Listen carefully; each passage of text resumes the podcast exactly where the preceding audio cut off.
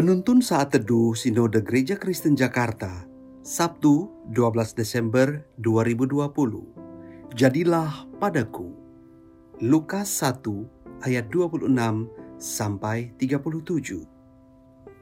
Dalam bulan yang keenam, Allah menyuruh malaikat Gabriel pergi ke sebuah kota di Galilea yang bernama Nazaret kepada seorang perempuan yang bertunangan dengan seorang bernama Yusuf dari keluarga Daud. Nama perawan itu Maria. Ketika malaikat itu masuk ke rumah Maria, ia berkata, "Salam, hai engkau yang dikaruniai, Tuhan menyertai engkau." Maria terkejut mendengar perkataan itu, lalu bertanya di dalam hatinya, "Apakah arti salam itu?" Kata malaikat itu kepadanya, "Jangan takut, hai Maria, sebab engkau beroleh kasih karunia di hadapan Allah. Sesungguhnya engkau akan mengandung dan akan melahirkan seorang anak laki-laki, dan hendaklah engkau menamai dia Yesus.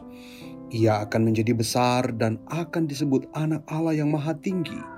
dan Tuhan Allah akan mengaruniakan kepadanya tahta Daud, bapa leluhurnya, dan ia akan menjadi raja atas kaum keturunan Yakub sampai selama-lamanya, dan kerajaannya tidak akan berkesudahan. Kata Maria kepada malaikat itu, "Bagaimana hal itu mungkin terjadi karena aku belum bersuami?" Jawab malaikat itu kepadanya, "Roh Kudus akan turun atasmu." dan kuasa Allah yang maha tinggi akan menaungi engkau. Sebab itu anak yang akan kau lahirkan itu akan disebut kudus, anak Allah. Dan sesungguhnya Elizabeth sanakmu itu, ia pun sedang mengandung seorang anak laki-laki pada hari tuannya. Dan inilah bulan yang keenam bagi dia yang disebut mandul itu. Sebab bagi Allah tidak ada yang mustahil. Pernahkah kita mendengar perkataan orang Kristen seperti, "Sekarang saya mau fokus dulu pada urusan pekerjaanku"?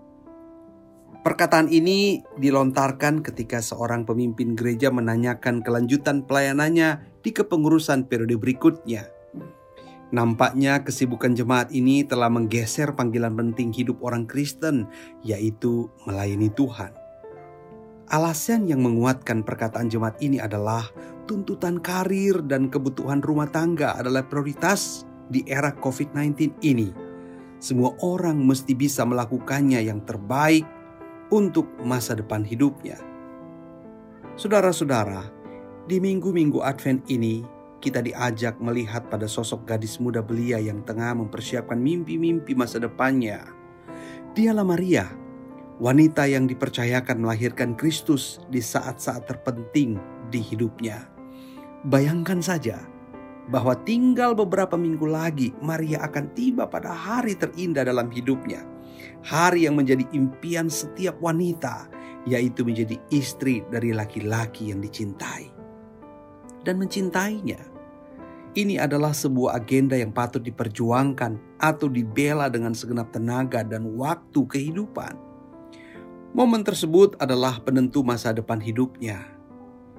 Namun di tengah persiapan tersebut, Maria diberi tugas yang sangat berlawanan dengan rencana bahagianya.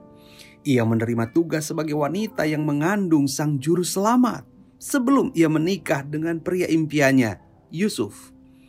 Sepatutnya Maria bisa melontarkan ribuan alasan yang sangat masuk akal dan menolak penugasan malaikat Gabriel. Sungguh jelas bahwa menerima tugas ini sama dengan menguburkan satu-satunya impian seorang wanita muda belia. Keputusan Maria sungguh menunjukkan pengenalannya akan kasih setia Allah kepadanya. Maria sadar bahwa ia adalah hamba yang hidup karena kasih setia Allah. Bagi Maria, menunjukkan kasih setia kepada Allah adalah kebenaran yang melampaui masa depannya. Tidak salah bila kita berjuang demi masa depan dan sungguh-sungguh mengejar segala impian dalam hidup kita. Jelas bahwa kita patut berjuang mencukupkan dan meningkatkan kualitas kehidupan keluarga kita. Tapi juga tidak benar bila karena berjuang mengejar impian dan mencukupkan kebutuhan keluarga, kemudian kita mengorbankan nilai-nilai syukur kita kepada Tuhan, bukan? Seolah-olah kita lupa bahwa segala kemampuan berpikir dan berjuang dalam diri ini datangnya dari Allah, sehingga kita tidak peduli lagi dengan tindakan syukur kita kepadanya. Sesungguhnya, salah satu bukti nyata ungkapan syukur kita kepada Allah adalah melayani Dia. Orang Kristen yang mengenal kasih setia Allah akan selalu bersyukur kepada Allah melalui tindakan melayani Dia.